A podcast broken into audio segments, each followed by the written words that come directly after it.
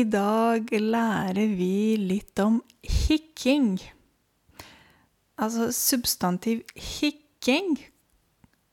En hikking kommer fra verbet å hikke. Jeg vet ikke om jeg har sagt til dere, men substantiv som slutter på ing, altså suffiks ing, er i hannkjønn på norsk. Hikking, hva er det? Når en muskel som heter diafragma, eller mellomgulvet, når den trekker seg sammen, så får vi en lyd. Denne sammentrekningen, som det heter, skaper, produserer en lyd. Og da har vi hikking. Og hikke er helt vanlig. Vi kan hikke etter vi har spist mye og god mat, kanskje. Man kan også hikke når man gråter mye, som for eksempel barna kan gråte og hikke. Som for eksempel, jeg kan illustrere for dere. Ikke sant? Så du gråter, og så hikker du samtidig. Man kan også le, ikke sant, når det er noe som er morsomt, noe komisk. Reaksjonen vi får, er at vi ler, men noen kan også le kombinert med hikking. Jeg vet ikke om jeg, jeg kan Jeg er ikke noe Jeg er ikke noe skuespiller, men ja, jeg kan prøve å hikke for dere og le samtidig. Som for eksempel folk som ler OK?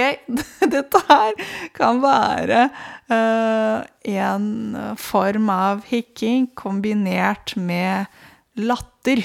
L-a-t-t-e-r. Det er substantiv latter som kommer fra verbet å le. Ja, var det noe viktig som jeg glemte? Det jeg sa at denne muskelen som heter diafragma, har også navnet mellomgulv. Jeg tror at mange av dere forstår hva gulv er. Gulvet er noe som vi har hjemme. For eksempel hvis vi snakker om stua eller baderom eller soverommet og så videre, så snakker vi om gulvet. Vi går på gulvet. Ikke sant?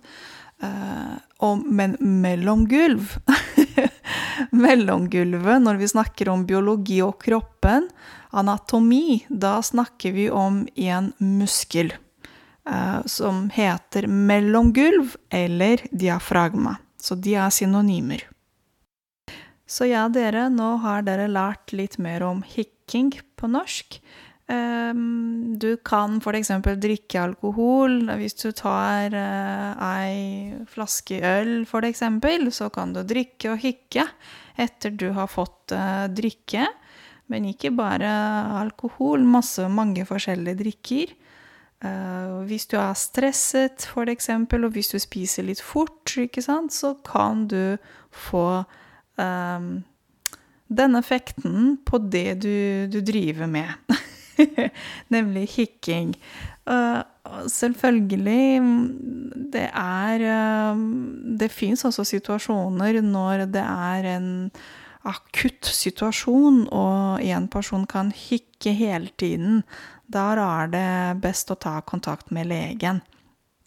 Men det jeg vil fokusere mest på, er det som sikkert mange av oss har opplevd, er å hikke når, som sagt, diafragma trekker seg sammen. Til slutt noen kjæringsråd på hva vi kan gjøre når plutselig vi begynner å hikke. Kjæringsråd, man skriver det K-j-e-r-r-i-n-g-r og det. Kjæringsråd. Det er råd ikke fra mamma, men det er råd som kommer fra kanskje bestemor og oldemor. Det heter på norsk kjæringsråd. Det betyr noen triks og tips på hva du kan gjøre hjemme uten nødvendigvis å ta kontakt med en lege og ta medisin. Så kjæringsråd på hva du kan gjøre for å ikke hikke lenger.